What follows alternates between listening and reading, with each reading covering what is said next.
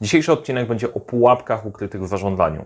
Nie tylko w zarządzaniu projektami, ale praktycznie każdej aktywności, której się podejmujesz. Dlaczego tak trudno się dogadać z dorosłymi ludźmi? Dlaczego tak trudno się zrozumieć? Dlaczego rzeczy, które wstawisz same w sobie, najczęściej się wysypują? Jeżeli trapią Cię te dylematy i zastanawiają Cię odpowiedzi na te pytania, to ten odcinek będzie dla Ciebie. Serdecznie zapraszam.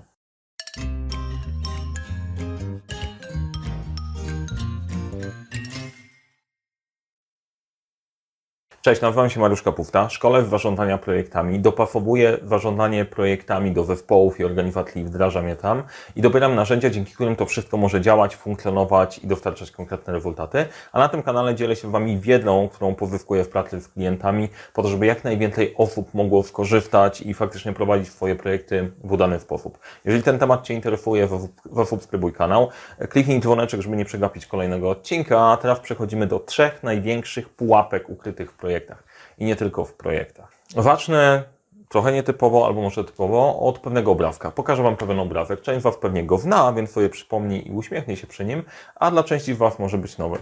To jest bardzo często sytuacja dotycząca projektu wygląda tak. Klient opisuje swoje potrzeby. Okazuje się, że projektant rozumie to odrobinę inaczej. Wszystko się zgadza, są dwie linki, jest coś do huśtania, Spoko. E, analityk wymodeluje to trochę inaczej. No dobra, faktycznie to by się nie huśtało, tak będzie dużo lepiej. Ktoś zapomniał, że na tym fajnie jakby ktoś usiadł. Programista zaprogramuje to z kolei w ten sposób. Marketing zrobi swoją robotę odpowiednio, sprzedając całe rozwiązanie. Bardzo lubię ten obrazek. Tak zostanie opisane w dokumentacji. E, kto jest bez winy, niech pierwszy rzuci kamień. Nikt nie lubi robić dokumentacji, więc spora szansa, że to będzie wyglądało tak. tak funk takie funkcje zostały w ogóle przewidziane w zakresie. VAT zapłacił klient. Tego dotyczy pomoc techniczna, a tego klient naprawdę potrzebował. E, czy spotkaliście się kiedyś z tym obrazkiem wcześniej i czy w Waszej rzeczywistości, jeżeli zostawicie pewne tematy bez opieki występuje efekt huśtawki. Jestem bardzo ciekaw waszego, waszego wrażenia odnośnie tego obrazku i wderzenia z rzeczywistością, e, bo dla mnie ten obrazek po prostu towarzyszy mi praktycznie całe życie, e, całe życie zawodowe. E, gdy pierwszy raz go zobaczyłem, pomyślałem, o, jaki fajny żart. Po trzech latach pracy w IT zorientowałem się, że to wcale nie jest żart, tylko to jest dokument, a dwa lata temu wpisaliśmy to w firmę w firmę, w misję naszej firmy, że pomagamy poradzić sobie z huśtawkami, bo to jest rzeczywistość. Pomimo tego całego postępu wiedzy w zarządzaniu, w komunikacji, niby do wszystkich dostępnych materiałów, ten efekt cały czas występuje. On tam jest i się pojawia i zastanawiało mnie to, ale jak to możliwe? Wydaje mi się, że już wszyscy wiedzę posiedli, jak zarządzać projektami, a tu się okazuje, że jednak nie. Pomimo tego, że czas upływa, nadal ten problem pojawia się w bardzo wielu miejscach. I są trzy przyczyny, według mnie, które powodują to, że coś takiego się pojawia. Napiszcie Wasze w komentarzach. Ja Wam powiem, jak ja to widzę i co według mnie jest ukryte pod spodem, bazując na doświadczeniach z ostatnich lat. Punkt pierwszy. Żyjemy w plemionach. Te różne perspektywy, które widać na obrazku, one wynikają z tego, że na co dzień pracujesz w ramach swojego działu najczęściej. Nawet nie wiesz tego, że jesteś zanurzony w pewnej konkretnej kulturze.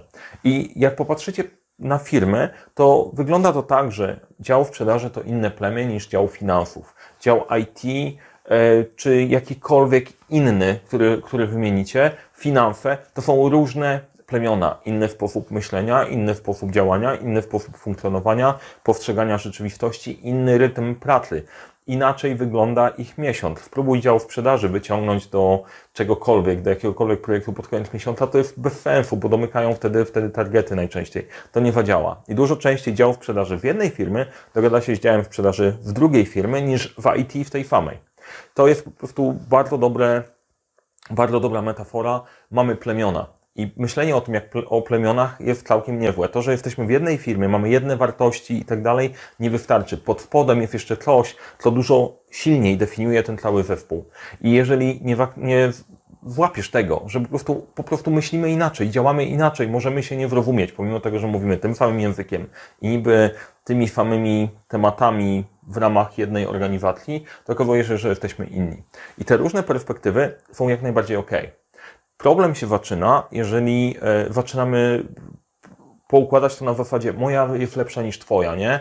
Musimy pokazać, kto faktycznie wygra. Jak popatrzycie sobie na tą huśtawkę, gdyby ci ludzie się wybrali razem, włożyli te perspektywy ze sobą, to okazuje się, że mielibyśmy całkiem niezły rezultat. Problem polega na tym, że ze względu na to, że nie widzisz, że tam jest inne plemię, wydaje ci się, że człowiek, ale o czym on w ogóle mówi? On jest jakiś dziwny, przez to, że się nie rozumiemy, te perspektywy się nie wtykają. Więc plemiona to jest numer jeden. Każdy ma inną perspektywę, każdy ma inne filtry, po prostu trzeba to zaakceptować jako punkt startowy. Drugi punkt, bardzo ważny, to wyobraź sobie teraz sytuację, że masz swoją listę zadań do zrobienia, twoja lista to do.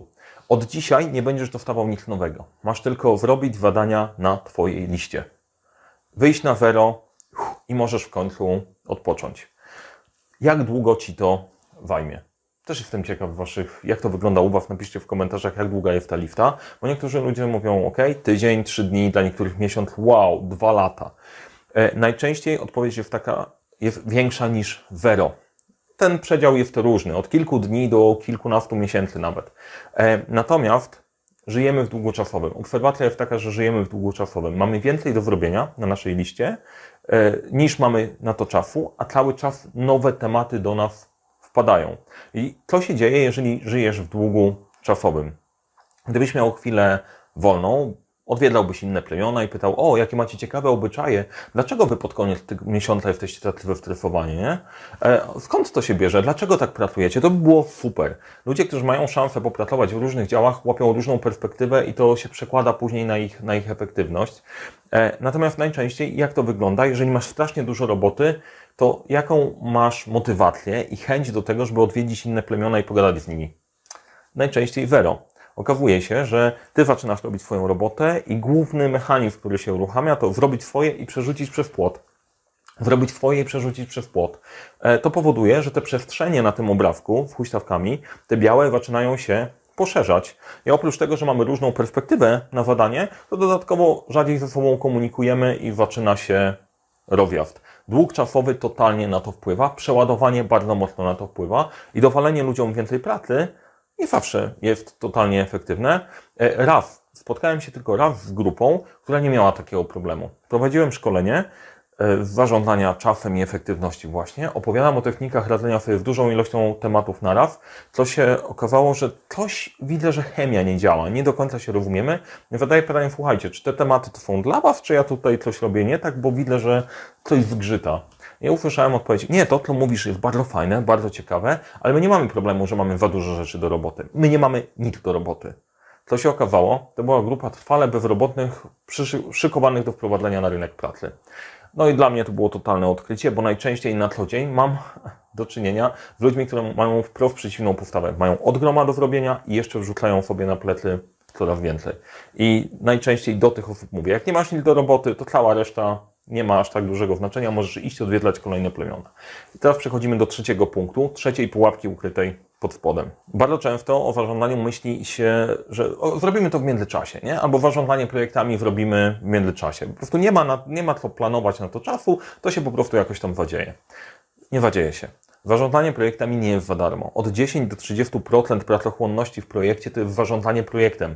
Czyli to bieganie pomiędzy ludźmi, upewnienie się, że dobrze rozumieją, czy wyrobią to we właściwym czasie, czy wygrają się i skoordynują, to jest właśnie ta część pracy i zarządzania projektem. I zabawa jest taka, że można robić sobie to ręcznie, można robić totalnie ręcznie, albo można sobie zbudować system, dzięki któremu dzieje się to automatycznie. I cała ta wiedza o zarządzaniu projektami albo zarządzaniu służy temu, żebyś coś takiego sobie zbudował, żebyś nie był non-stop sfrustrowanym gościem, biegającym od taczki do taczki, tylko żebyś to wgrał razem, żeby ludzie po prostu potrafili ze sobą gadać w ramach projektu. To jest, to jest mega ważne. Teraz z tym zarządzaniem w międzyczasie. Ktoś kiedyś na blogu napisał mi, że kierownik projektu to pijawka, bo sam nic nie robi, korzysta z pracy innych. Najpierw trochę zabolało, a później się okazało, że to jest bardzo dobry, dobra metafora. Pijaw, nic nie robisz. Kierownik projektu, jego rolą nie jest robienie. Jego rolą jest sprawienie, żeby te białe przestrzenie pomiędzy poszczególnymi perspektywami zrobiły się mniejsze. Nie znikną nigdy, nie ma takiej opcji, ale zrobienie ich mniejszych, sprawienie, żeby ta całość ze sobą zaczęła rozmawiać o tej huśtawce, o realnych potrzebach i tym, co jest faktycznie potrzebne. Więc nie ma w międzyczasie. W międzyczasie się nie zadzieje. Międzyczas nie istnieje. Trzeba do tego podejść sensownie, znaleźć czas na myślenie, zarezerwować sobie czasu i po prostu zrobić swoją robotę. Teraz co robić, żeby tych huśtawek nie mieć, nie? żeby się nie wdarzały? Trzy punkty wyciągnięcia z tego filmiku. Jak nie chcesz tych huśtawki, to po pierwsze, wykorzystaj perspektywy. Patrzenie z perspektywy, okej, ten gość mówi coś, co jest dla mnie dziwne, ale być może ma rację, posłuchajmy. Ten gość mówi coś dziwnego, posłuchajmy. Jak włożysz to razem, masz szansę uzyskać dużo lepszą e, widoczność całości. Każdy patrzy na to ze swojego kąta. Jak włożysz te tematy razem, pomaga. To wymaga wyjścia z takiej tradycyjnej perspektywy, o, moja, moje zdanie jest ważniejsze niż drugiej strony, albo jest lepsze niż inne. Muszę kogoś przekonać. Nie, być może być może, i bardzo często jest tak, że obie strony mają rację, tylko trzeba po prostu sięgnąć trochę niżej i wyłapać ukryte założenia albo zrozumienie rzeczywistości. To jest mega ważne. Wykorzystuj perspektywy, a nie konfrontuj je ze sobą. Drugi punkt, zarezerwuj sobie czas na zażądanie. Nie masz czasu na zażądanie tych 10-30%, nie zażądasz, ludzie zaczną biegać wtaczkami załadowanymi niewłaściwymi rzeczami w niewłaściwą stronę bez sensu. Zażądanie jest robotą do wykonania. Pomimo tego, co można słyszeć w wielu miejscach. To zajmuje czas, zajmuje energię, wymaga myślenia, kombinowania. Zarezerwuj sobie na to czas. Trzeci punkt, bądź profesjonalną pijawką. Bądź profesjonalną pijawką.